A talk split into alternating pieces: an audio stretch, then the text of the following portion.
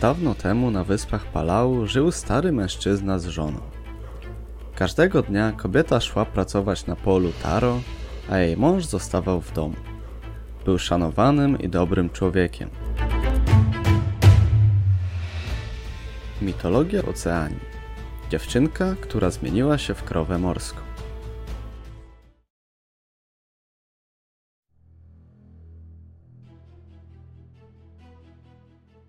Pewnego dnia, gdy kobieta oddaliła się na pole, do domu podkradły się złe demony, które od dawna nie mogły znieść myśli, że małżeństwo wiedzie szczęśliwe życie.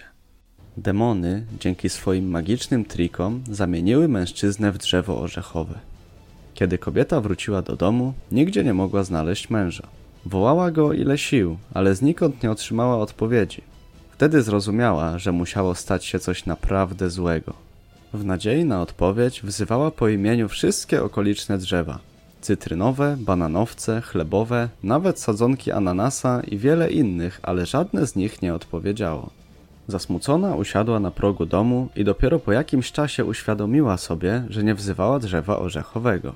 Z całych sił wykrzyczała swoje wołanie o męża, a jej głos był tak donośny i smutny, że gałęzie drzewa aż popękały i zaczęły krwawić.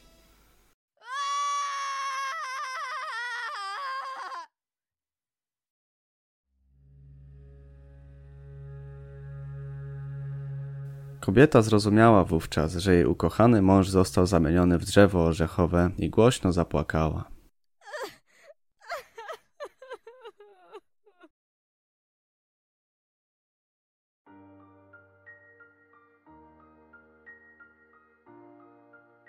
Po jakimś czasie uświadomiła sobie, że spodziewa się dziecka. Wkrótce urodziła piękną dziewczynkę, którą musiała sama wychowywać. Obie wiodły spokojne i skromne życie, ale dziecko z czasem zaczęło zadawać pytania o ojca. Matka początkowo zbywała pytania córki, aż w końcu przyznała, że jej ojciec zmarł dawno temu i nie powinna już o tym myśleć. Otoczyła córkę wielką miłością i bardzo o nią dbała. Jedyną rzeczą, na którą stanowczo jej nie pozwalała, było zbliżanie się do pobliskiego drzewa orzechowego.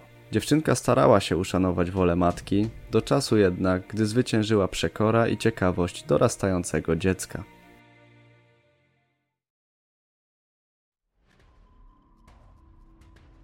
Pewnego dnia, gdy matka pracowała na oddalonym polu taro, dziewczynka podkradła się pod drzewo orzechowe, strąciła kilka dorodnych owoców i je rozłupała. Gdy już miała ich zakosztować, nagle pojawiła się jej matka i głośno krzyknęła – Zaskoczona i zawstydzona dziewczynka zaczęła uciekać.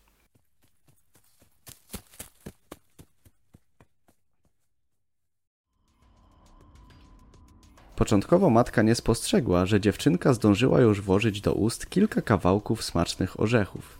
Gdy sobie to uświadomiła, natychmiast pobiegła za córką i krzycząc błagała ją, by wypluła kawałki orzecha. Dziewczynka głośno płacząc biegła jednak coraz szybciej i szybciej, nie mogła więc usłyszeć słów matki. Gdy dotarła na skraj wyspy, z rozpaczy rzuciła się w morskie fale.